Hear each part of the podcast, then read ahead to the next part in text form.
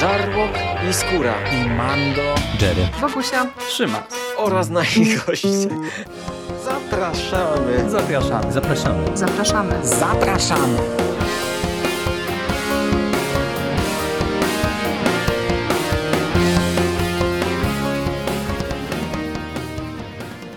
Witamy bardzo serdecznie w kolejnym odcinku konglomeratu podcastowego. Dzisiaj mówi do Was Hubert Spandowski, czyli Mando, i jest ze mną e, Michał Rakowicz, czyli Jerry. Witam Ciebie bardzo serdecznie. Cześć. Witam Cię, Mando, bardzo serdecznie. Witam wszystkich słuchaczy. Dzisiaj mamy dla Was kolejną krótką piłkę.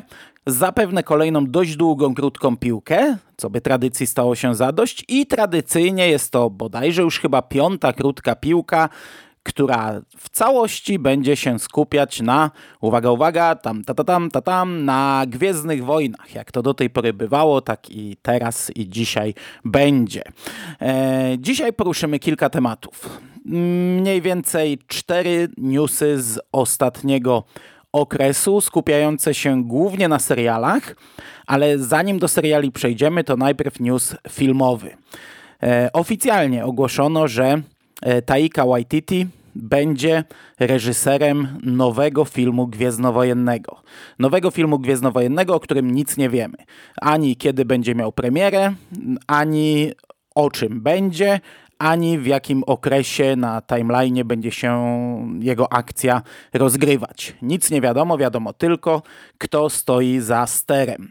Taika Waititi reżyserem, zdobywca Oscara z tego roku, przypominam. Natomiast w Gwiezdnych Wojnach e, zrobił już swoje, ponieważ reżyserował finał, ostatni odcinek pierwszego sezonu serialu The Mandalorian, a scenariusz napiszą wspólnie e, Waititi i Christy Wilson Cairns, e, również, nomina- również nominowana do Oscara za film 1917. I znaczy, zacznijmy od tego, że to jest oczywiście oficjalna, zanim przejdziemy do naszych odczuć, to jest oficjalna informacja, ale z drugiej strony takich oficjalnych informacji już trochę mieliśmy. Także e, ostatnio Sef puścił taki filmik u siebie na 4 maja, gdzie się wkurzał na to, że Disney nie umie promować swojej marki, swojego uniwersum. I ja ci powiem, że na chwilę obecną to mam troszeczkę e, tak brzydko mówiąc, wywalone. Póki jak póki, póki Disney jakoś konkretnie tego nie rozpromuje i póki nie okaże się, że faktycznie to powstaje, to u mnie etap jarania jeszcze się nie włączył. No bo mieliśmy już zapowiedzi fi nowego filmu twórców Gry o Tron, który już wiemy, że nie powstanie. Mieliśmy zapowiedź trylogii Ryana Johnsona, o której nic nie wiadomo.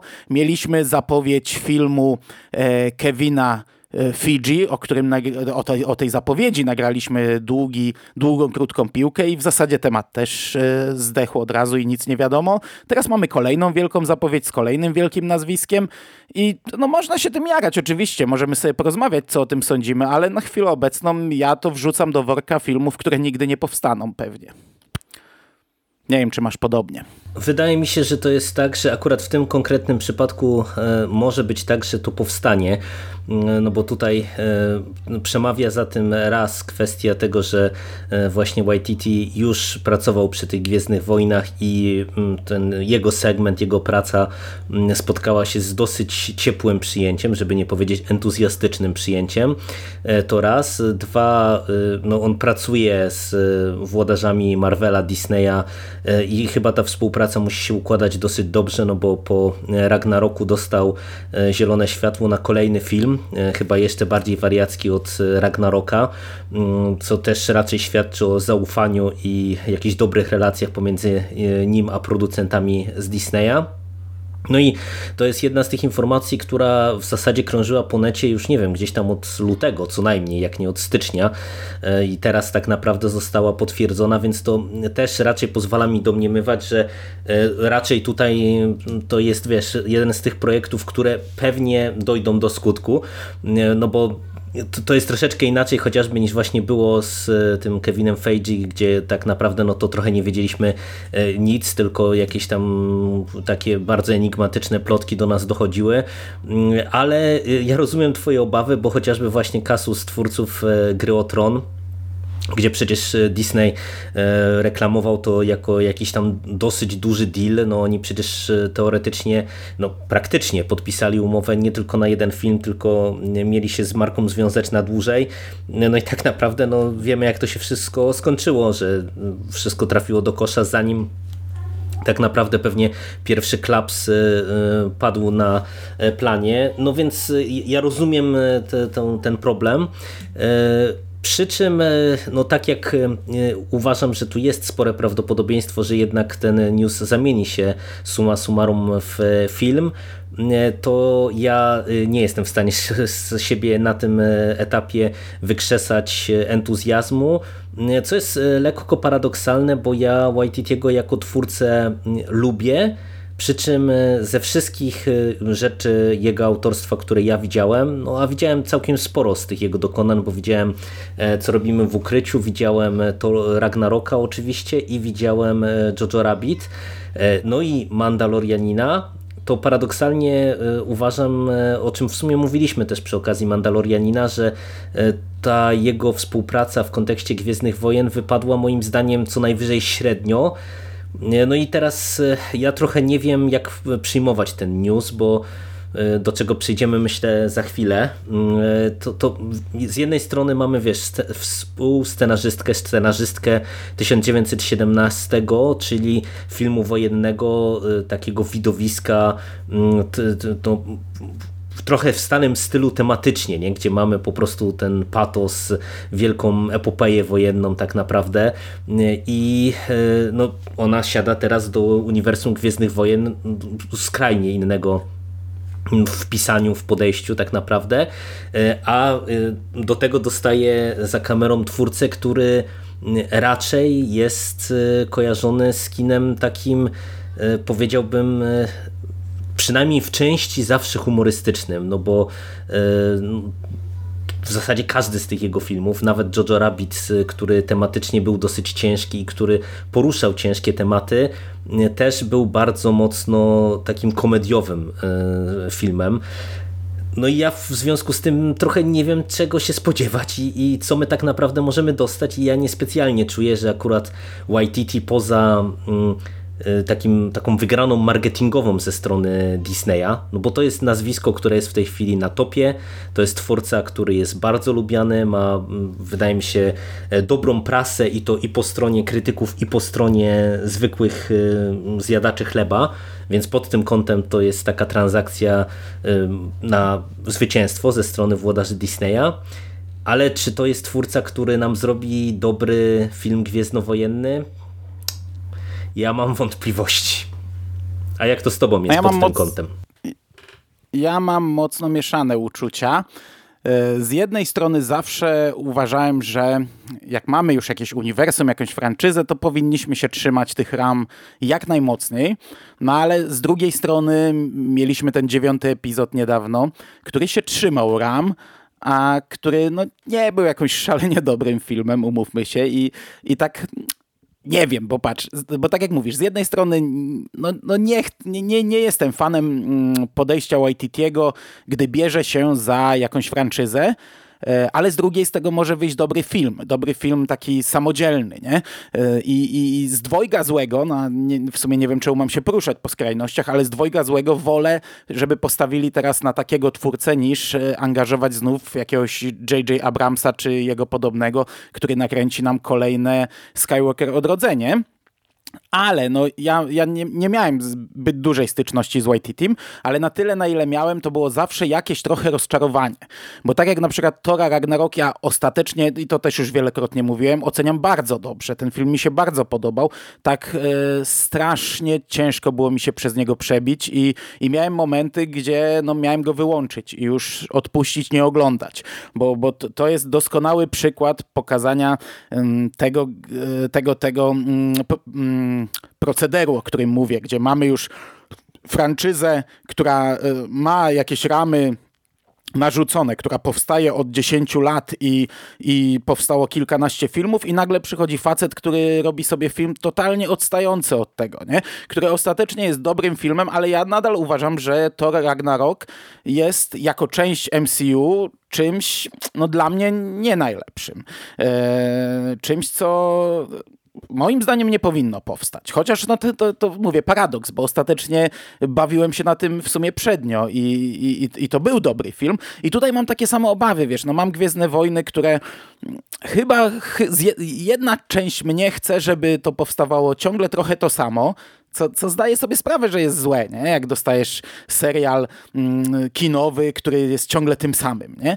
Ale z drugiej, no nie chcę, żeby on y, przejął tak całkowicie nad tym kontrolę i zrobił film y, tak totalnie różny. E, bo, bo, no, no bo ja na przykład i, i ty również z finałem e, Mandalorianina też mieliśmy problem, chociaż tam on nie mhm, popłynął tak. aż tak mocno, jak na przykład w Torze Ragnaroku. Trzymał się jednak, te, ten odcinek nie odstaje jakoś e, bardzo mocno od reszty serialu czy od całego uniwersum. I, I, myślę, że tutaj też je, mimo wszystko trochę by go trzymano za gębę, żeby nie odpłynął, bo już mieliśmy przykład Solo, gdzie e, zatrudniono dwóch reżyserów, którzy też chcieli wprowadzić e, całkowicie swój styl, no i zostali wyrzuceni, nie? No akurat w przypadku tego pana, gdyby go wyrzucili w trakcie produkcji, to byłby chyba już gwóźdź do trumny e, Lucasfilmu i Disneya ale myślę, że będą go trochę trzymać za gębę, no ale jednak nie, nie wyobrażam sobie, żeby powstał film, który będzie takim um, szablonowym, takimi szablonowymi Gwiezdnymi Wojnami, o których ja myślę, gdy myślę o Gwiezdnych Wojnach, no to mam jakieś pewne oczekiwania. Raczej powstanie to film mocno przesiąknięty jego humorem, który do mnie niekoniecznie trafia, ale mówię, nie oglądałem w sumie nic takiego jego autorskiego.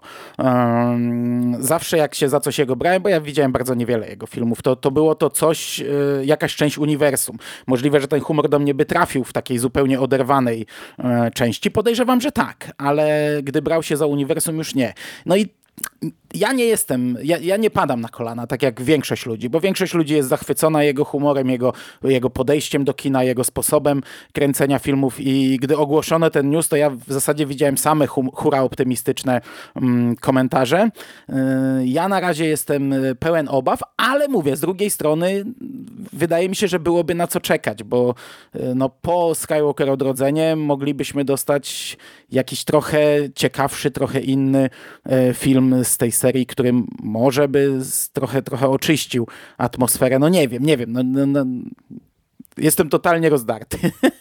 No ja ci powiem, że ja rozumiem to rozdarcie, bo e, mówię, przy całej mojej sympatii do e, Waititiego, bo ja na przykład jestem zachwycony Torem Ragnarok e, w kontekście trzymając się tych filmów jego, które robił dla tych dużych franczyz, że się tak nazwijmy, no, jednego filmu póki co. Ja jestem tym filmem zachwycony, mi się bardzo podobał, tylko wiesz, no właśnie tu pojawia się ten problem trochę o którym ty mówisz, że e, pytanie, co my tutaj e, dostaniemy, bo wiesz, z jednej strony mamy też ten wentyl bezpieczeństwa w postaci tego, że on jest e, współscenarzystą, a ten finał Mandalorianina, z którym no, jakieś tam problemy mieliśmy, no to on reżyserował, czyli on nie odpowiadał za scenariusz i być może na przykład właśnie tutaj będzie trochę podobnie, że część tych jego takich zapędów jakichś tam mocno, no, mocno komediowych może zostać stemperowana właśnie przez e, scenarzystkę, e, która jest umocowana w zupełnie innym kinie. Przy czym wiesz, to no, też ale jest z drugiej tak, że... strony, że ci przerwę jeszcze na sekundę, mm. Waititi w takim serialu, o którym dzisiaj będę mówił, sam mówił, że zaczynał od stand-upu, e, czyli też pytanie, na ile on pozwala, ja nie wiem, jak wygląda jego praca na filmie, na ile on pozwala na improwizację i tak dalej, na jakieś, e, na jakieś żarty, które, wiesz, wyjdą w trakcie, bo, bo widząc jego na planie w tym serialu, o którym za chwilę kilka zdań powiem, no to to, to, to wygląda trochę na dużo żartów na planie, nie? Mhm. Chyba, że serial był kręcony tak, żeby go pokazać w takim kontekście żartownisia, żeby budować jego, jego taką markę, yy, nie wiem. No wiesz, no tutaj mówię, problem polega też na tym, że ta scenarzystka, mimo tego, że yy, jest yy, w tej chwili opromieniona sławą przy pracy, przy filmie, który no, zdobył bardzo dużo uznania i powszechne uznanie, no to ona w zasadzie nie ma większego doświadczenia, bo z tego, co ja widziałem, to 19 1917 to w zasadzie to był jej pierwszy film, przy którym ona pracowała. Tak to ma jakieś tam shorty, więc wiesz, teraz tak naprawdę no to, to różnie może być I, i, i ja nie wiem, kto będzie miał więcej do powiedzenia przy okazji tego konkretnego filmu. No i to jest też jakby tak operujemy paradoksami. To jest też paradoks, że wiesz, z jednej strony ja mówię, ja naprawdę lubię jego kino, ale trochę się obawiam, czy, czy tutaj, kiedy się zabiera za Gwiezdne Wojny, czy dostaniemy mm, coś e, naprawdę interesującego czy fajnego, bo ja bym przyjął chętnie coś innego, ale się po prostu boję, że y, możemy pójść w, znowu w jakieś takie e, głupawe heheszki albo i bo to i może też tutaj być kluczowe i na przykład znowu w jakiś fanserwis i, i rozgrzebywanie starych y, motywów i starych wątków, czego ja już bym nie chciał, bo to już mnie szczerze mówiąc zaczyna bardzo mocno męczyć. Y, i wiesz, ja tak naprawdę to myślę, że zacznę się jakoś tam bardziej ekscytować, kiedy my dostaniemy y, jakiś w ogóle plan, bo, no bo tak jak Seth mówi, że Disney nie umie promować swojej marki, to moim zdaniem to jest duży problem, że w tej chwili mamy teoretycznie zapowiedziane trzy filmy i zamiast jakby dowiedzieć się na początku jakich, jakichkolwiek szczegółów e, co do tego, czym to ma być, jakie właśnie mają być ramy czasowe, jaki ma być, mm, nie wiem, jaka ma być koncepcja, e, jest cokolwiek, żebyśmy mogli się wokół czegokolwiek zahaczyć, to my dostajemy znowu nazwiska, i tak jak mówię, no marketingowo to jest pewnie dobre posunięcie, bo mamy e, laureatów Oscara i osoby, które zdobyły naprawdę uznanie na rynku filmowym, więc to są duże nazwiska. Mm, no i, i, i, tyle. No i teraz wiesz, no z tym można zrobić bardzo różne rzeczy, y, bo to też trzymając się na przykład, wiesz, y, chociażby y, franczyzy MCU, no pamiętamy Kenefa Branafa, który dostał Tora, zrobił film po swojemu, no i, i wyszło jak wyszło. No, niewielu jest tych, którzy uważają pierwszego Tora za film, za film dobry, no więc no tak. Mówię, no tak. ja z obawami naprawdę patrzę na to, co, co tutaj możemy dostać i, i przede wszystkim mówię, ja myślę, że wypowiem się coś więcej i, i nie wiem, może jakaś ekscytacja się we mnie obudzi, jak e, dostanę więcej szczegółów co do tego, czym ten film ma być. Jak ma być też wbudowany w całe uniwersum, no bo to wiesz, to też jest tak, że mówimy o tym, że to będą jakieś tam osobne filmy, z jednej strony, z drugiej strony mamy zaplanowane trzy filmy, więc no to, to znając y, te, te, duże franczyzy, to raczej to nie będzie na zasadzie takiej, że te filmy będą zupełnie od siebie oderwane. No, myślę, że jakiś łącznik pomiędzy nimi będzie, tak jak y, tutaj wcześniej był ten łącznik w postaci historii, y, tak teraz tutaj też myślę, że będą chcieli w, w ten czy w inny sposób te filmy połączyć, no, no bo nie sądzę, że to jest przypadek przypadek, że wiesz, dostajemy film co dwa lata i co, i, i każdy z nich ma być e, zupełnie oderwany od siebie, zupełnie o czymś innym, nie wiem, rozgrywać się w zupełnie innej epoce. No, nie sądzę. Ja tutaj nie będę gdybał, wiesz, totalnie nie mam pojęcia, co oni mają w planach teraz, żeby zrobić z tym uniwersum e, na ekranie kinowym. Natomiast jeśli chodzi o tę panią scenarzystkę, to ona jeszcze czeka na jeden film, e, który też napisała wspólnie z Edgarem Wrightem i on reżyseruje, czyli e, Last Night in Soho to mhm. nie wiem, kiedy to ma wejść do kin, więc, więc będzie miała przynajmniej dwa mm, pełnometrażowe filmy już na swoim koncie, zanim się za te Gwiezdne Wojny zabierze. Dobrze. To ja tu chyba nie mam nic więcej do dodania. Ja również. Na razie nie ma co gdybać więcej, myślę. Mm -hmm. I możemy przejść do seriali. I zanim przejdziemy do jakichś zapowiedzi serialowych, to ja bym chciał dwa zdania mm, o produkcji, która przed e, trochę ponad tygodniem e, zadebiutowała na platformie Disney Plus czyli o serialu dokumentalnym. Takie pierwsze wrażenia sobie zrobię i może z tobą jeszcze dwie sekundy gdzieś tam porozmawiam, e, co ty sądzisz o tym, chociaż ty nie widziałeś, ja widziałem pierwszy odcinek, nie, nie. już mhm. poleciały dwa odcinki. Mówię tutaj o serialu Disney Gallery, czyli po polsku to jest chyba Disney za kulisami. E, z podtytułem e, The Mandalorian, e, czyli po polsku to jest Disney za kulisami, Mandalorianin, chyba, jeśli dobrze pamiętam ten tytuł. To jest serial dokumentalny o tworzeniu serialu Mandalorianin. Osiem odcinków, nie jest dłuższy od samego serialu, ponieważ te odcinki trwają 30 plus kilka minut. Tam około, pierwszy trwał chyba 32 minuty, jeśli się nie mylę. I na chwilę obecną e, IMDB podaje tytuły pięciu pierwszych odcinków i to tak jak Pierwszy to był reżyserzy, skupiał się na reżyserach. Drugi, którego jeszcze nie widziałem, Legacy, czyli skupi się pewnie na dziedzictwie i na wspominkach i wiesz, jak, jak ważne dla nas były Gwiezdne Wojny, ojojoj, co dla nas znaczą i jak bardzo chcieliśmy to oddać.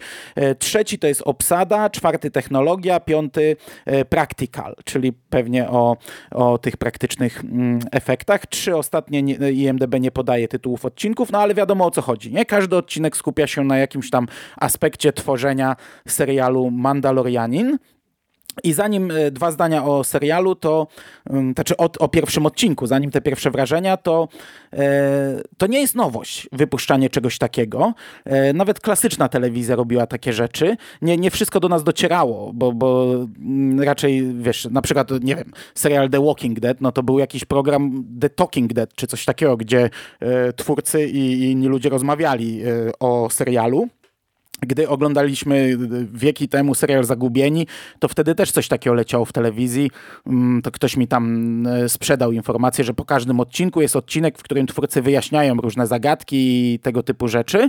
E, gdy, nie wiem, Netflix udostępnił chyba trzeci albo drugi sezon Stranger Things, to też za chwilę wrzucił taki dokumentalny serial, gdzie kilku aktorów siedziało w studiu i, yy, i prowadzący sobie z nimi rozmawiali o różnych rzeczach z tego sezonu.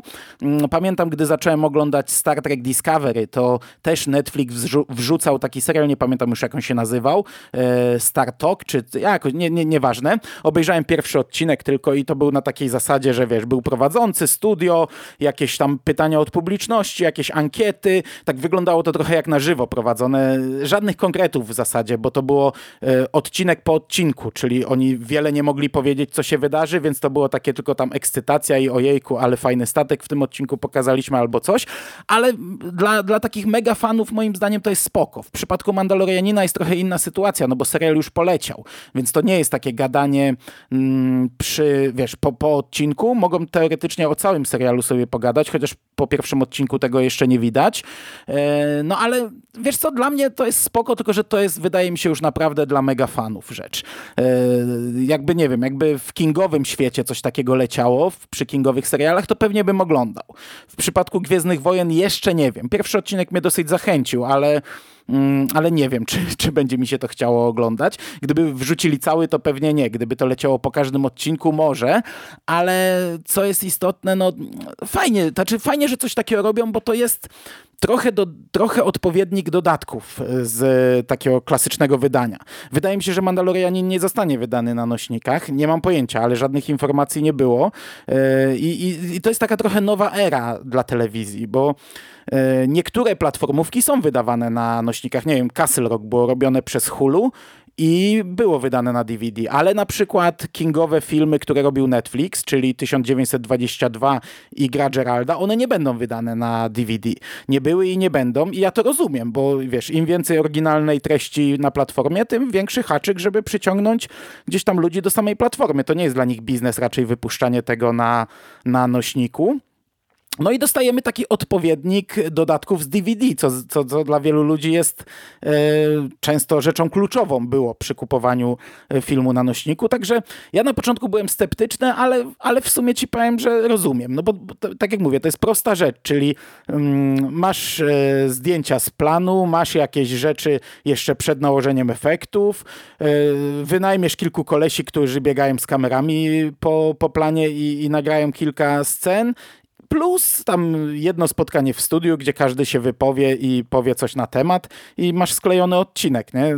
niskim kosztem, coś, co może przyciągnąć kolejnych ludzi. Także no, pod tym kątem dla mnie spoko rzecz, chociaż, chociaż też gdyby to nie powstało, to, to absolutnie bym jakoś, nie wiem, ni, nic bym nie stracił. E, nie wiem, czy chcesz coś tutaj dodać e, w temacie samego pomysłu na serial. Znaczy wiesz to, to tylko króciutko, no bo mm, ja nie widziałem tego i raczej nie planuję oglądać. E, ja trochę mam inne odczucia e, w kontekście mm, e, takiego źródła tego pomysłu. Wydaje mi się, że to jest po prostu coś, co chce Disney Plus wykorzystać, mając określoną ilość materiałów, jako mm, dopakowanie platformy właśnie tanim kosztem. No bo to, co podkreśliłeś, no jeżeli to tak jest zrobione na zasadzie zdjęcia z planów, trochę wywiadów, coś tam w studio i, i, i to wszystko, no to to by tylko potwierdzało te, te moje podejrzenia, że mhm. po prostu no, będą chcieli mieć dodatkowy serial, dodatkową produkcję mm, właśnie jak najmniejszym e, kosztem tak naprawdę, no tym bardziej, że tak jak rozmawialiśmy, no Mandalorianin e, był serialem o bardzo dużym budżecie, więc e, no podejrzewam, że to po prostu już powstało im niejako towarzysząco do samego serialu teraz to tam e, wrzucają, bo e, wydaje mi się, że to jest trochę tak, że to do samej platformy to tego rodzaju materiały chyba nie wiem, czy są w stanie kogoś wiesz, przyciągnąć e, na, na dłużej, no bo to już no, to jest, jest naprawdę ciekawostka dla, dla takich już ultrasów, że tak powiem, danego medium. Znaczy z jednej uniwersum. strony dla ultrasów, ale z drugiej nie dostajesz tutaj tyle materiałów, to jest raczej bardzo ogólna rzecz, nie? Mega fan tutaj nie znajdzie nic nic e, nie wiadomo co fajnego, nie? Tak mi się wydaje. No to no ja mówię, to jest dla mnie jeden do jednego odpowiednik dodatków z Blu-raya czy z DVD, e, bo, bo do, dokładnie tak samo są robione dodatki na DVD, dokładnie mhm. takie same dokumenty by, bywały na DVD, więc, więc dla mnie to jest taki trochę nowy nowy krok, no bo platformy raczej się w coś takiego nie bawiły. Dla mnie spoko, no ale mówię, no, no zupełnie niepotrzebna rzecz. Na chwilę obecną się wydaje też. A no dobra, a jeśli chodzi o sam pierwszy odcinek, to wiesz co? Yy na samym początku, jak włączyłem, to miałem duże obawy, bo to wygląda, początek wygląda tak jak takie materiały, które y, kręcili na e, Comic-Cony albo gdzieś tam na Celebration, czyli wiesz, e, masz e, ładną muzykę w tle przez cały czas i jakieś pomontowane elementy z planu z fragmentami filmu i co jakiś czas twarz, która mówi rzeczy totalnie nieistotne, jak się cieszy, że jest częścią tej rodziny i że może to robić jak cudownie i ten początek tak mówię, kurde, nie, pół godziny i razy osiem, e, trochę dużo. E, potem przechodzimy do studia, gdzie oni siedzą w takim czarnym studiu przy okrągłym stole, wszyscy reżyserzy i, i sobie rozmawiają, no ale pierwsze chyba 10 minut to mówi Dave Filoni o, o sobie i, mówi, i tak mówię, kurde, no będzie, będzie odcinek dla, który będzie się skupiał na, na, na jednym człowieku, ale później faktycznie ta druga część to jest, e, każdy reżyser dostaje swój segment, a aczkolwiek e, są dużo, dużo krótsze od tego głównego segmentu i no miło mi się to oglądało. Mm, są, jest kilka anegdotek, które mnie bawiły, ale na chwilę obecną y, to było takie pitu, pitu o niczym. E, powiedziałem, że mnie zachęcił do oglądania, bo w sumie, no tak jak mówię, no dosyć przyjemnie mi się to oglądało. A jeśli dostaniemy odcinek o tworzeniu efektów specjalnych, o tworzeniu praktycznych efektów specjalnych, one mogą być ciekawe. Ale na chwilę obecną to jest takie, wiesz, każdy reżyser mówi, co robił do tej pory, jak się tu znalazł i w ogóle jak się cieszy, że, że może robić Gwiezdne Wojny i jak te Gwiezdne Wojny miały szalony wpływ na jego rozwój, jak zrobiły mu dzieciństwo i, i to, co, to, co słyszymy od lat, od każdego, kto, komu dano szansę pracować przy Gwiezdnych Wojnach, to co sami byśmy mówili, gdybyśmy mogli, nie wiem, myć podłogi na planie Gwiezdnych Wojen. E, I, I wiesz, i puenta, jak dobrze nam się pracowało razem, jak fajnie, że mamy serial, gdzie różni reżyserzy pracują nad każdym odcinkiem. No tak, tak, tak wszystkie seriale w zasadzie, w 99% seriali tak wygląda, że różni reżyserzy pracują nad tym samym, na, nad kolejnymi odcinkami i tam, no, no, i no i na tym to się skupia, nie? Tak naprawdę ten, ten pierwszy odcinek nie pokazuje nam w zasadzie prawie nic stworzenia. Gdzieś tam mamy przebitkę, jak widzimy każdego z tych reżyserów na planie, jak tłumaczy aktorom, co mają robić, gdzie się ustawić. Z tła słyszymy ich głos, jak mówią, jak dobrze, że tutaj są i jak fajnie i jak im się dobrze pracowało. Ale, ale mówię, no jeszcze drugi odcinek pewnie też będzie na tej zasadzie, bo jak to dziedzictwo, to będą mówić o tym, ile Gwiezdne Wojny dla nich znaczą, zapewne, tak się domyślam. Eee, ale potem myślę, że kilka odcinków może być ciekawych i ja pewnie obejrzę, ale to, to tak mówię, wiesz, Pewnie. Bardzo możliwe, że to się na tym pierwszym odcinku u mnie zakończy, bo, bo jeśli się nie zmobilizuję, żeby oglądać co tydzień, to nie będzie mi się chciało potem siedmiu na raz obejrzeć. Także, także zobaczymy. Na chwilę obecną spoko rzecz, ale taka, taka rzecz, która mogłaby się tak naprawdę na, na YouTubie po prostu pojawić e, w ramach jakiegoś konwentu, trochę skrócona i, i, i to jest coś, co już widzieliśmy wielokrotnie. Tyle. Spoko, spoko. Dobrze. Dwa newsy serialowe. Mm, czy tam, w sumie nie wiem, czy dwa, ale o dwóch serialach. Skoro już mówimy o Mandalorianinie, to zostańmy przy Mandalorianinie. Tutaj mieliśmy tak naprawdę kilka rzeczy, bo gdzieś tam niedawno ogłoszono dwóch reżyserów nowych i będzie to Robert Rodriguez, czyli facet, który zrobił między innymi Od Zmierzchu do Świtu, e, Desperado i, no i kilka różnych innych e, znanych rzeczy. I będzie to ja nie wiem jak to się czyta, Peyton Reed, y, on z kolei między innymi zrobił Antmana. No to o tych dwóch reżyserach się dowiedzieliśmy, mm, że będą robić. Nie wiem, czy tu chcesz cokolwiek y, dodać, pewnie nie. Wiele nie skomentuję, natomiast jak mówisz o Rodriguezie, to ja nie mogę nie, nie, nie wbić mu szpili. Nie wiem, co on robi tutaj na planie e, tego, tego konkretnego serialu, e, bo nawet nie słyszałem o tym, że go e, zatrudnili właśnie do wyreżyserowania odcinka, ale to z drugiej strony to, to, kto wie, czy to po prostu nie jest na zasadzie takiej, że tak bardzo kocham Gwiezdne Wojny, zawsze chciałem przy nich pracować, dajcie mi zrobić chociaż odcinek, no i tam się pojawi pewnie na planie. No nie wiem, kompletnie od czapy dla mnie nazwisko w kontekście z tego serialu, ale okej, okay, niech mu tam będzie. E, dobrze, natomiast e, drugi news, który w zasadzie nas skłonił do nagrania tych, tej, tej krótkiej piłki, czyli rzecz z wczoraj. E, nie jest to oficjalnie jeszcze chyba potwierdzona rzecz. Mm, zostało powiedziane, że powróci do Gwiezdnych Wojen aktor, który się nazywa Temuera Morrison.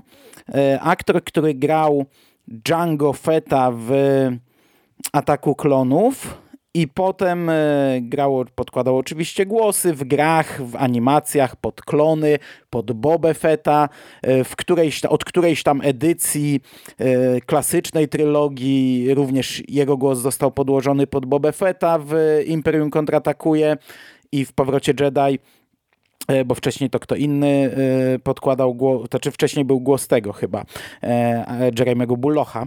Mm, chyba, że głupoty teraz gadam, dobra, nie zagłębiajmy się. Zostało potwierdzone, znaczy potwierdzone, no, do, do, w miarę oficjalnie, kurde, nie wiem na ile to jest oficjalna informacja, ale wszyscy ją podali, e, że wraca Boba Fett, pojawi się Boba Fett w Mandalorianinie. I już tam nieważne pal licho aktora, bo to w sumie jak ma, jak ma wrócić Boba Fett, no to bardzo fajnie, że ten aktor, yy, ale sam powrót Boby Feta. Tutaj na, na dwa bloki można to rozbić. Po pierwsze, czy to jest w ogóle potrzebne dla samego serialu, bo to jest kolejna postać, która gdzieś tam, wiesz, serial, który w sumie ma potencjał, ma fajne postaci, które wymagają rozbudowy, o czym mówiliśmy i teraz zamiast rozbudowywać te postaci, to ma, dostajemy kolejne newsy o tym, że tu pojawi się Asoka, tu pojawi się Boba Fett, przy czym tak jak Asoka y, jeszcze spoko, bo to jest postać, która już ma gigantyczną historię i pewnie pojawi się epizodycznie. Tak Boba Fett to jest postać, która e, po pierwsze w momencie, gdy się pojawi, to oznacza, że została wskrzeszona w nowym kanonie, co jeszcze nie nastąpiło, więc jest gigantyczne teraz pole do popisu na napisanie mu całej historii. E, po drugie, to już jest postać duża i to postać, która gdzieś tam wydaje mi się niepotrzebna w tym, w tym kontekście, że my tutaj mamy czołowego Mandalorianina, który ma grać pierwsze skrzypce, a teraz nam się pojawi Boba Fett. Ja to, dla mnie to jest no, mocno średni news pod tym kątem. No to e, ja ci powiem, że dla mnie to jest e, w ogóle bardzo słaby news e, pod każdym jednym kątem. Dlatego, że po pierwsze no odnoszę wrażenie, że to jest kolejny dowód na to, co, czego my żeśmy się trochę obawiali, a czego ja bardzo nie chciałem, że twórcy tak naprawdę niczego się nie nauczyli po tym pierwszym sezonie. E, że my żeśmy narzekali, że e, przy całym potencjale, który ma Mandalorianin, e, tu nie ma historii że pojawia się dużo znanych nazwisk, aktorów, jakieś tam postaci, które są charakterystyczne, które mają potencjał i nic się z nimi nie robi. No i pojawienie się mm, Boby Fetta, jeżeli do tego faktycznie dojdzie w Mandalorianinie, moim zdaniem to jest rzecz zła pod każdym jednym względem, bo raz to, co ty mówisz, że mm, mamy dużą postać wprowadzoną, która przykryje nam po, po raz kolejny pewnie głównego bohatera, E, po drugie, no, jeżeli ma dostać wątek na, nie wiem, znowu na jeden odcinek czy na pół odcinka, ja tego w ogóle nie widzę, no bo tak jak ty mówisz, no ta postać tak naprawdę z naszej perspektywy zostanie wskrzeszona w tym momencie. Ja nawet nie wiedziałem, że on został wskrzeszony w starym kanonie, ale to już tam temat na inną dyskusję pewnie.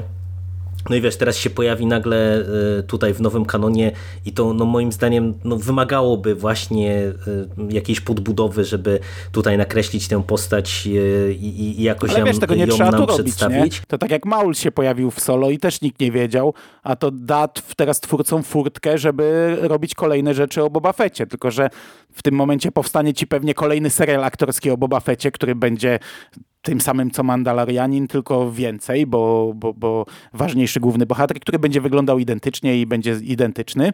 E, no i filmy może, komiksy, to będzie, te, jeśli on się tu pojawi, to będzie furtka do, do E, eksplorowania, eksploatowania, kurde, do wykorzystywania tego, co już znamy, nie? żeby znów e, zamiast tworzyć nowe postaci, to weźmy coś, co już sprawdzone. Bo nie sądzę, żeby w serialu ci powiedzieli, jak on przeżył. On się pojawi, spoko, ty poznasz, on pewnie zajmie pół odcinka, jego wątek, albo tam jedną czwartą i koniec, tyle, nie? No ale to jest właśnie to, to czego ja się obawiam, że, że on tutaj w serialu będzie na przysłowiowe 15-20 minut, e, tylko żeby narobić szumu, a to, co ty wspomniałeś o tej e, eksploatacji tej postaci e, i tej szansy właśnie na to, że nagle jej wątek zostanie rozbudowany w nowym kanonie, to jest też coś, czego ja w ogóle nie chcę. Ja naprawdę jestem już zmęczony i znudzony wałkowaniem w kółko tych samych tematów. No, my e, o tym rozmawiamy już od dawna w różnego rodzaju podcastach, przy okazji różnego rodzaju,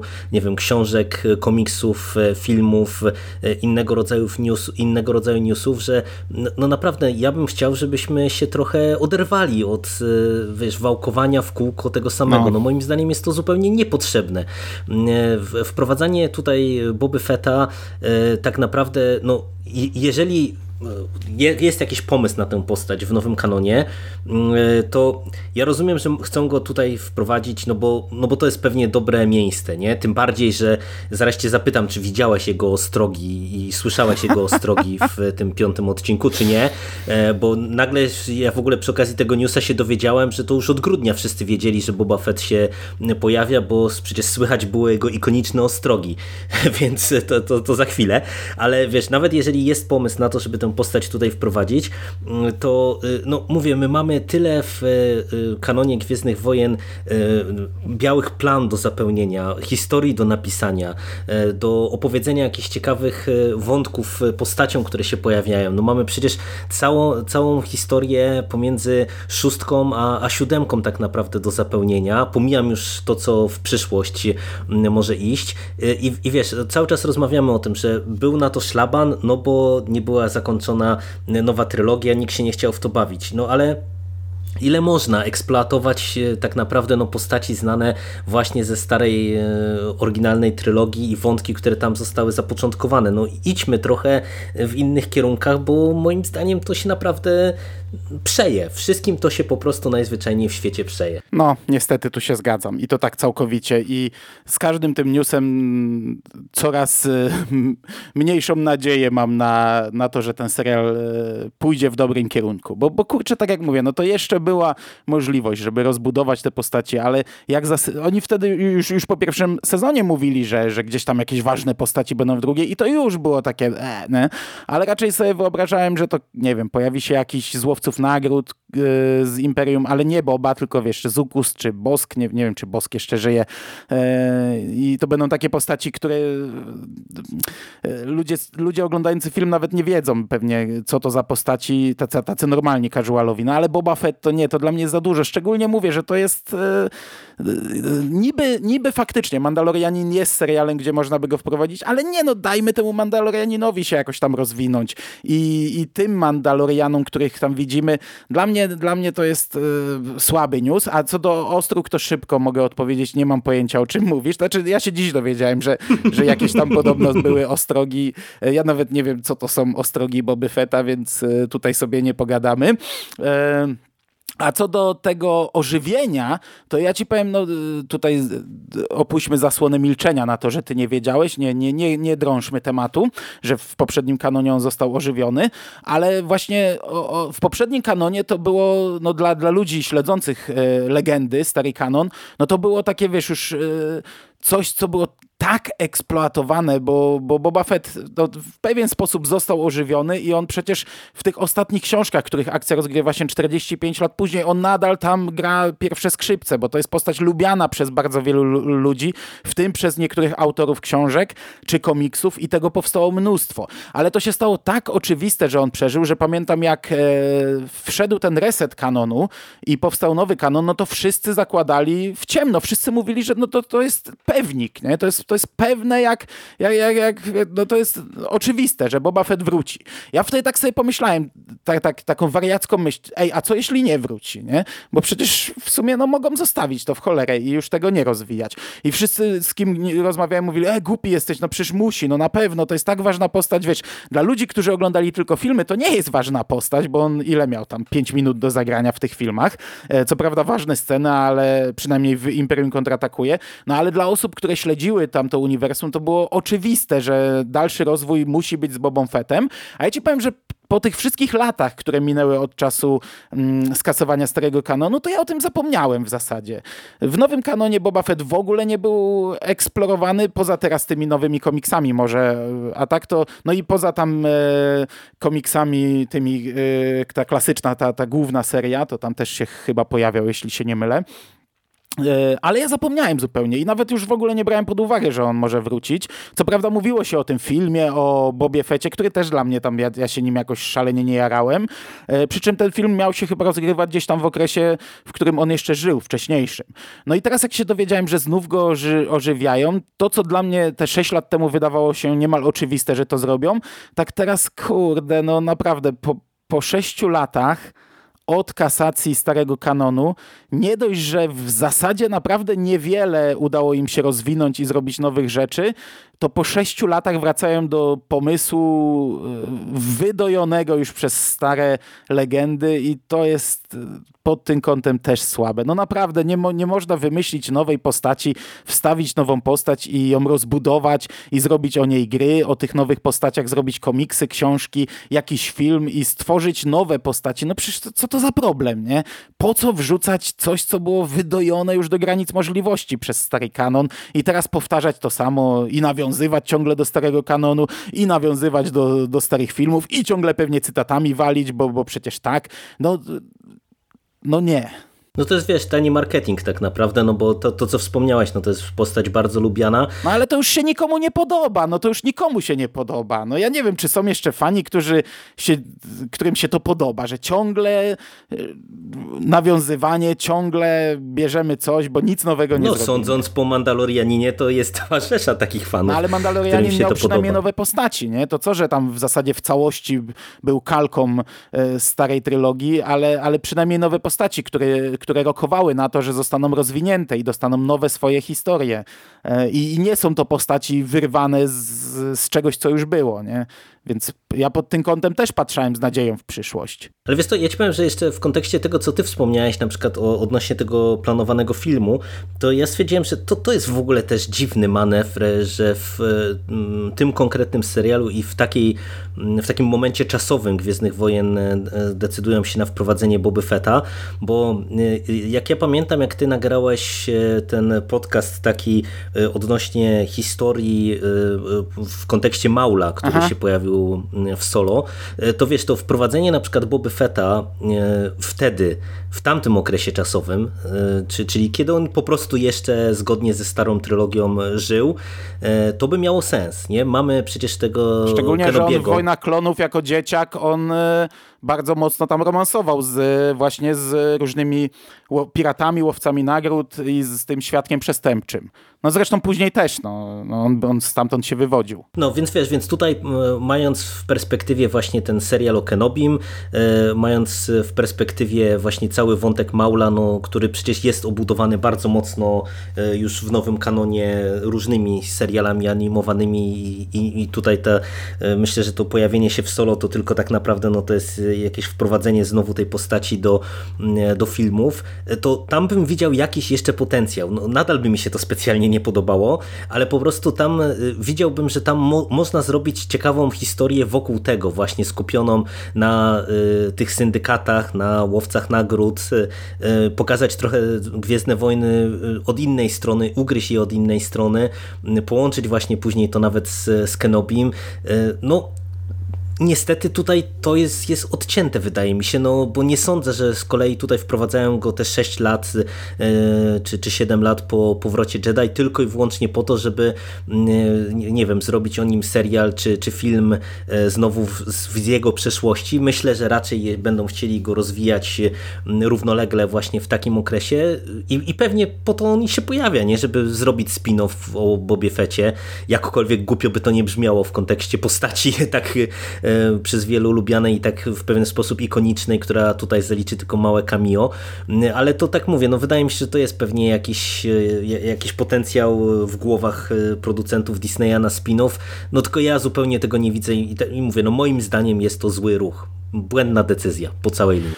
Oczywiście możliwe, że jest pomysł na to, nie? Bo pamiętam jak byłem na, jak już tutaj przywołałeś Maula, pamiętam jak na Dniach Fantastyki byłem na prelekcji kolegi z Łodzi, bardzo fajnej prelekcji, który właśnie opowiadał historię Maula i tam puentą tej prelekcji było to, że jest to przykład postaci, która została niby wprowadzona na podobnej zasadzie, że wiesz, było kiedyś, było mało, no to wyciągnijmy, ożywimy i, i będzie, ale z pomysłem, z pomysłem na całą jego historię, chociaż całej historii jeszcze nie znamy, ale to też jest fajne. Mi się akurat historia Maula podoba, tego ożywionego, ale znamy już jej zakończenie, znamy puentę. Ona była w Rebeliantach i ona jest świetna, patrząc na to, jak całą historię rozpisano. Później tak naprawdę, no bo w Mrocznym Widmie Maul nie miał wielkiej historii, a później ta historia została rozpisana i fantastycznie spuentowana. Także wiesz, teoretycznie jest możliwość, że zrobią to z Bobem, Bobą Fettem. Ja po prostu na, y, bazując na tym, co widzę, jak to uniwersum jest prowadzone, no to na chwilę obecną wyciągam takie wnioski, których zazwyczaj nie lubię.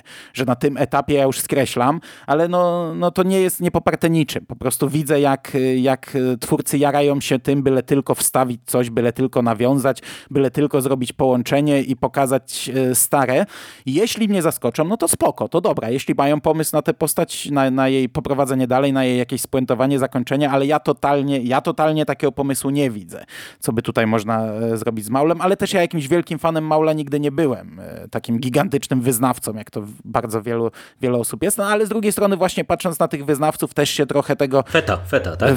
Feta, no feta, przepraszam, feta. O fecie tutaj teraz mówiłem.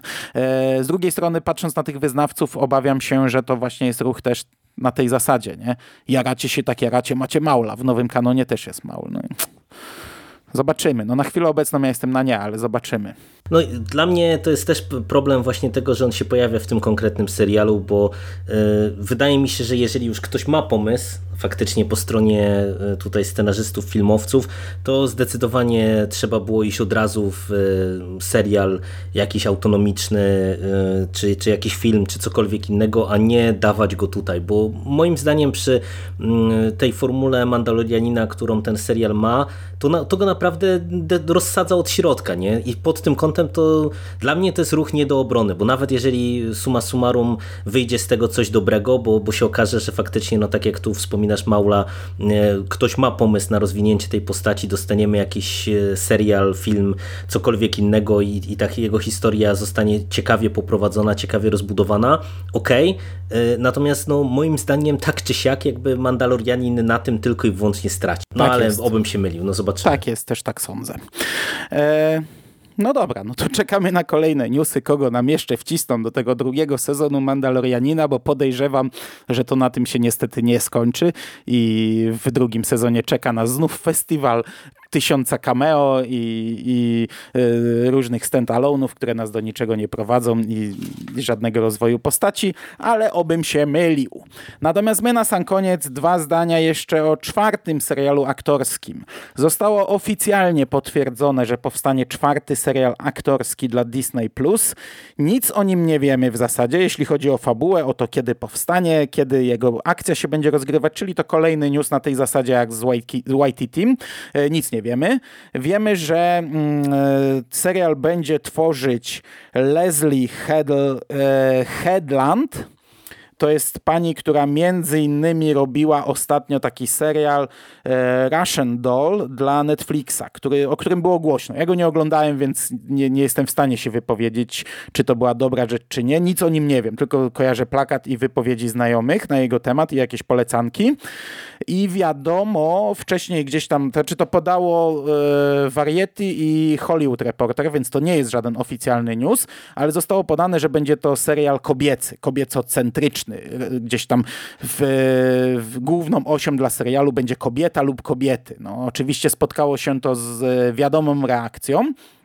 Ja w pierwszej chwili może nie zareagowałem tak jak wiesz, y, ta, ta bardzo mm, agresywna część y, internetu, fandomu, ale z jednej strony sobie pomyślałem, no że kurczę, tego jest dużo w tych nowych Gwiezdnych Wojnach, aż za dużo. Z drugiej ja nie mam z tym problemu, bo ja nie wiem, od Gwiezdnych Wojen nie oczekuję kina męskiego, oczekuję raczej fajnej historii, ciekawej przygody, a czy głównym bohaterem będzie mężczyzna czy kobieta, to jest dla mnie totalnie bez różnicy. Z drugiej strony sobie pomyślałem, że może to być serial na przykład o doktor Afrze, który bym pewnie przyjął z miłą chęcią, na tyle na ile czytałem komiks, lubię tę postać. Może to być serial aktorski o Asoce, skoro Asoka jest wprowadzana do Mandalorianina, to wcale nie jest to, to w zasadzie e, takim oczywistym ruchem byłoby później stworzenie serialu o niej, chociaż w tym przypadku trochę chyba dla mnie już za dużo. Mm, ale może to być serial o każdej innej kobiecie i jakoś negatywnie tego nie odbieram, szczególnie biorąc pod uwagę, że e, no, może i faktycznie Disney bardzo duży nacisk na to kładzie, bardzo duży, bo ja tutaj nie będę tworzył świata jakieś, nie będę siedział w bańce i nie będę mówił, że tak nie jest. Tak jest. To nie jest dla mnie problem jakiś, e, w zasadzie w ogóle to nie jest dla mnie problem na chwilę obecną, ale tak jest, bardzo duży nacisk na kobiety kładą, ale z drugiej strony patrząc na seriale aktorskie, no jest to czwarty serial po Mandalorianinie o mężczyźnie, po Kenobim o mężczyźnie, po Kasjanie Andorze o mężczyźnie, więc tutaj ciężko pod tym kątem krytykować, że mamy jakąś, wiesz, jakąś feministyczną propagandę i, i w ogóle y, zniszczyli nam męskie Gwiezdne Wojny. Nie? No do, tego, do tego poziomu nie będę schodził.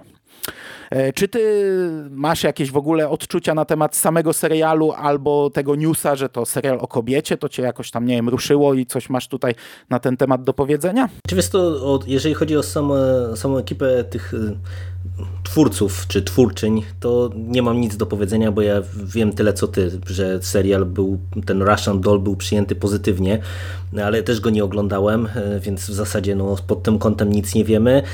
A odnośnie tego, że tam znowu e, część e, fandomu marudzi, że serial kobiecocentryczny, dla mnie to jest tak samo głupie jak, jak zwykle. No tak jak powiedziałeś, no, mamy kilka produkcji i myślę, że na tych czterech serialach to się nie zakończy, tylko to będzie kontynuowane, więc dla mnie absolutnie nie jest dziwną rzeczą, że teraz dostaniemy serial z kobietą w roli głównej no bo no tego wymaga po prostu moim zdaniem też e, takie podejście stricte, wiesz, producenckie, marketingowe, które będzie chciało wydoić widzów różnego typu i różnego rodzaju, no i jeżeli platforma ma dotrzeć do szerokiej rzeszy odbiorców, no to umówmy się, że do kobiet też musi być skierowany określony target, co, co mówiąc to, to mam świadomość tego, że przecież to, że to jest serial z kobietami w, w roli głównej, to nie, nie oznacza, że on właśnie będzie targetowany pod kobiety, nie? No. Tylko po prostu myślę, że jest pomyślane to tak, żeby też przyciągnąć mm, chociażby, nie wiem, małe czy młode dziewczyny e, czy nastolatki do, do Gwiezdnych Wojen. Dla mnie to jest e, spoko, nie mam z tym absolutnie żadnego problemu. Tym bardziej, że ja o Asoce w ogóle nie pomyślałem, ale tak sobie w, gdzieś tam z tyłu głowy miałem na przykład właśnie, czy to nie będzie Afra. Mhm. No bo jednak wydaje mi się, że Afra się przyjęła jako postać. No, dowód na to chociażby mamy teraz nową serię e, już o niej. No myślę, że gdyby mm, Disneyowi się tam ta, ta postać nie podobała, gdyby włodarze z całych Gwiezdnych Wojen chcieli gdzieś tam już to zakończyć, to wiesz, to był dobry moment ku temu, nie? No skończyła się seria, rozstalibyśmy się z Afrą i, i, i do widzenia. No jeżeli rozpoczynamy nową serię, to, to myślę, że to jest najlepszy dowód na to, że ta postać już gdzieś tam wsiąkła w legendy. I w tym momencie dlaczego by jej nie rozwijać właśnie w taki sposób, tym bardziej, że to jest postać taka, która idealnie moim zdaniem by pasowała do serialu, bo to by była, e, to by mogła być fajna przygodówka, e, by mogła e, nieźle gdzieś tam mieć powciskane różnego rodzaju smaczki do, do starej trylogii na przykład, co widać, że twórcy cały, cały czas lubią, więc dla mnie jest to na tym etapie spoko news, przy czym no, ja na razie absolutnie nie czuję żadnej ekscytacji w sobie, no bo po prostu to nic nie wiemy znowu, no a tutaj nawet nie, nie mam czegoś takiego jak przy YT Team, gdzie znam jego twórczość i wiesz, i mogę się wypowiedzieć z tej perspektywy. No, wiemy, że dostaniemy kolejny serial. No spoko. Jak dostaniemy, to, to myślę, że podyskutujemy coś więcej, jak mm -hmm. będziemy znali więcej szczegółów. Znaczy pod kątem dzieci to, co powiedziałeś, to jest w sumie najważniejsze, bo wydaje mi się, że większość normalnych dorosłych nie ma problemu takiego, że nie wiem, ja jestem mężczyzną, a film jest z kobietą w roli głównej. No ja nie mam takiego problemu, nigdy nie miałem, że muszę mieć konkretnie jakieś swoje odbicie filmie czy serialu, żeby się nim cieszyć. Nie? Wręcz przeciwnie, zawsze podkreślałem, że nie chciałbym oglądać raczej serialu o, o grubym matematyku, byłym matematyku, który teraz klepie wieczka i, i siedzi w domu i gada do mikrofonu. Nie? Wolę raczej postaci jakieś, które, których nie będę utożsamiał z sobą, ale z dziećmi tak jest. Nie? No, jesteśmy obaj e, ojcami dwóch córek, e, może jeszcze trochę za małych na aktorski serial Gwiezdnowojenny, chociaż nie, no ty oglądałeś Mandalorianina z dziećmi i nie było problemu. No i, tak, i tak. widzimy, że raczej jednak e, córki bardziej się jarają chyba jak widzą dziewczynę gdzieś, nie? Niż, oczywiście, no jak nie ma, no to, no to obejrzą też z chłopakiem w roli głównej, ale dziewczęcy pewnie do nich bardziej trafia, dlatego tak do, do, dość ważnym filmem był Kapitan Marvel, już tam pomijając to, czy film nam się podobał, czy nie, ale, ale widać było fantastyczne zdjęcia z różnych konwentów, cosplaye z dziewczynkami, dziećmi, to, to, to są ważne rzeczy, a wtedy w sumie jeszcze bardziej się pluło, chociaż to był, nie wiem, 20 film e, po po, 19 filmach o mężczyzn. Tutaj to jeszcze, e, chociaż, chociaż ja tego nie podzielam, no to powiedzmy e, jestem w stanie zrozumieć jakiś ułamek e, tego, że już się narzeka, że ciągle dziewczyny i ciągle dziewczyny. Chociaż z drugiej strony, tak jak mówimy, cztery seriale aktorskie pokazują, że wcale nie ciągle dziewczyny. E, no ja czekam, a wolałbyś jeszcze mi powiedz, e, żeby to było faktycznie o Asoce czy Awsze, czy zupełnie nowe postaci, no bo przed chwilą mówiliśmy, że nie chcemy ciągle ciągnięcia tych samych, chociaż w tym przypadku no Asoka może nie, bo Asoka jednak była w starym kanonie też, chociaż no, nie jest tak starą i tak ikoniczną postacią jak, jak Boba Fett dla, dla fanów, dla fanów, no bo historię ma chyba już powoli dłuższą, się, się, powoli robi większą, no a Afra jest zupełnie nową postacią, więc w sumie fajnie ją rozwinąć i, i zrobić coś więcej, ale ja, ja, ja jestem, ja nie, ja nie wiem, czy bym wolał o Afrze, czy, czy zupełnie coś nowego.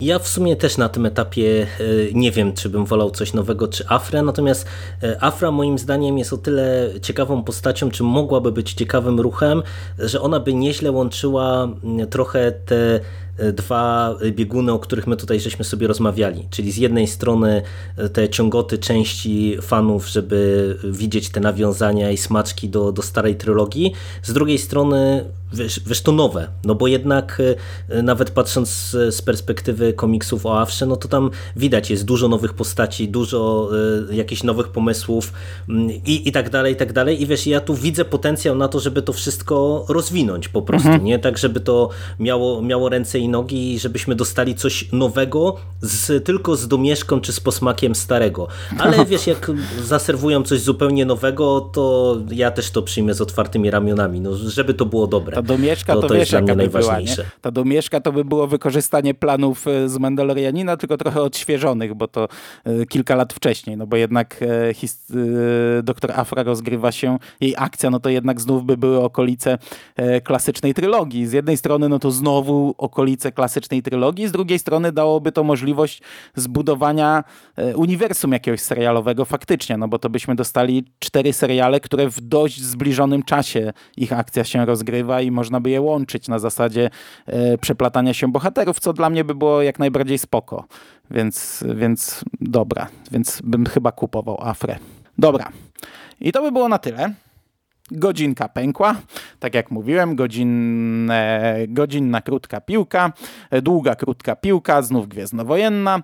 Czekamy na kolejne informacje, czekamy na rozwinięcie tych informacji, które już dostaliśmy, e, czekamy na nowe seriale i czekamy na coś kolejnego z Gwiezdnych Wojen. E, dziękuję Ci bardzo, drogi kolego, za dzisiejszą rozmowę. Dzięki bardzo. I do usłyszenia w przyszłości. Cześć.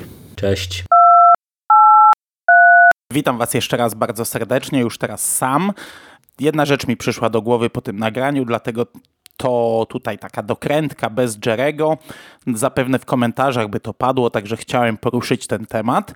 My powiedzieliśmy o Bobie Fecie, dużo o wskrzeszeniu Boby Feta, ponieważ e, taka informacja płynęła po internecie. Natomiast ja sobie zdaję sprawę, że Temuera Morrison grał w ataku klonów Django Feta Boba Fett był klonem Django Fetta, dlatego później ten aktor podłożył pod niego głos w klasycznej trylogii.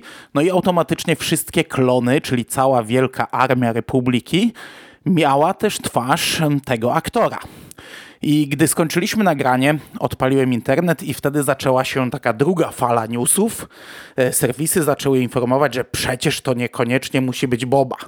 To może być Rex. Rex, którego historia jest silnie powiązana z historią Asoki. Ja to chciałem poruszyć w nagraniu, ale na tym etapie cały czas miałem w głowie że to będzie, wiecie, wojownik. A Rex był już e, dziadkiem, łysym dziadkiem z siwą brodą w Rebelsach. Akcja Rebelsów rozgrywa się jakieś 10 lat przed Mandalorianinem. Rex w teorii występuje też w powrocie Jedi, w bitwie o Endor, gdzie też jest dziadkiem, no ale to jest 6 lat. 6 lat e, w, przy, w przypadku klona które starzeją się dużo, dużo szybciej, no to jest bardzo dużo. I w pierwszej chwili, wiecie, zareagowałem, że nie, na pewno, no bez sensu, no jak Rex, stary dziadek, stuletni dziadek, a chwilę później sobie pomyślałem, że przecież to nie musi być wojownik. To może być e, właśnie stary odpowiednik stuletniego człowieka, stary dziadek, który gdzieś żyje sobie w jakiejś chatce na zadupiu galaktyki i jest z nim Asoka, która opiekuje się nim. Bardzo możliwe, że na przykład w Mandalorianinie zobaczymy pożegnanie z Rexem, i ja to widzę. To może tak być. Ja to widzę i to w sumie brzmi całkiem nieźle i wydaje mi się, że tak będzie, że, że ludzie podchwycili w pierwszej chwili, że to będzie Boba, wielki szum, wielki szał, ale gdybym miał teraz obstawiać, moim zdaniem to nie będzie Boba. Ta cała nasza rozmowa oczywiście ma sens z Jerrym na temat Boby, bo no, ja tak widzę, no ale właśnie między innymi dlatego wydaje mi się, że to nie będzie Boba, bo bez sensu go wskrzeszać, bo kompletnie nie pasuje do tego serialu. Natomiast Rex yy, no, też nie pasuje do tego serialu, ale jeśli wiemy, że pojawi się Asoka, to w jej towarzystwie Rex jak najbardziej pasuje. I w tym momencie te dwa cameo zamieniają się w zasadzie w jedno cameo, ponieważ to będzie taki bohater zbiorowy, Asoka, która zajmuje się e, starym przyjacielem, starym umierającym przyjacielem. I e, no, nadal uważam, że to jest niepotrzebne dla tego serialu, ale jeśli już wiemy, że pojawi się Asoka, to ja jak najbardziej kupuję pojawienie się u jej boku Rexa. To może dać e, drugie dno tem, te, tej historii, może, może to być zamknięcie pewnej opowieści i no i to mi wygląda fajnie. Jeśli e, twórcy pójdą tym torem, to nadal uważam, że to jest niepotrzebne dla samego serialu, ale to może wyjść, e, z tego może wyjść coś, fajnego, coś ciekawego. To tylko chciałem jako taki dodatek, że zdaję sobie z tego sprawę, że to może tak być i, i kurczę, mam nadzieję, że tak będzie. Jeśli już ten aktor ma się pojawić, to mam nadzieję, że w takiej formie i na chwilę obecną wydaje mi się, że to będzie taka forma, więc jeśli skomentowaliście ten, ktoś skomentował ten podcast przed przesłuchaniem go do końca i mnie tutaj próbował uświadomić, że to może być Rex, to tak zdaję sobie z tego sprawę. Dobra, teraz już dziękuję e, ostatecznie. Trzymajcie się, cześć.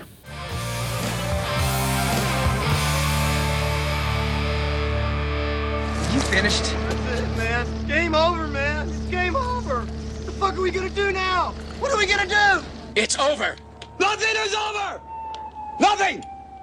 You just don't turn it off!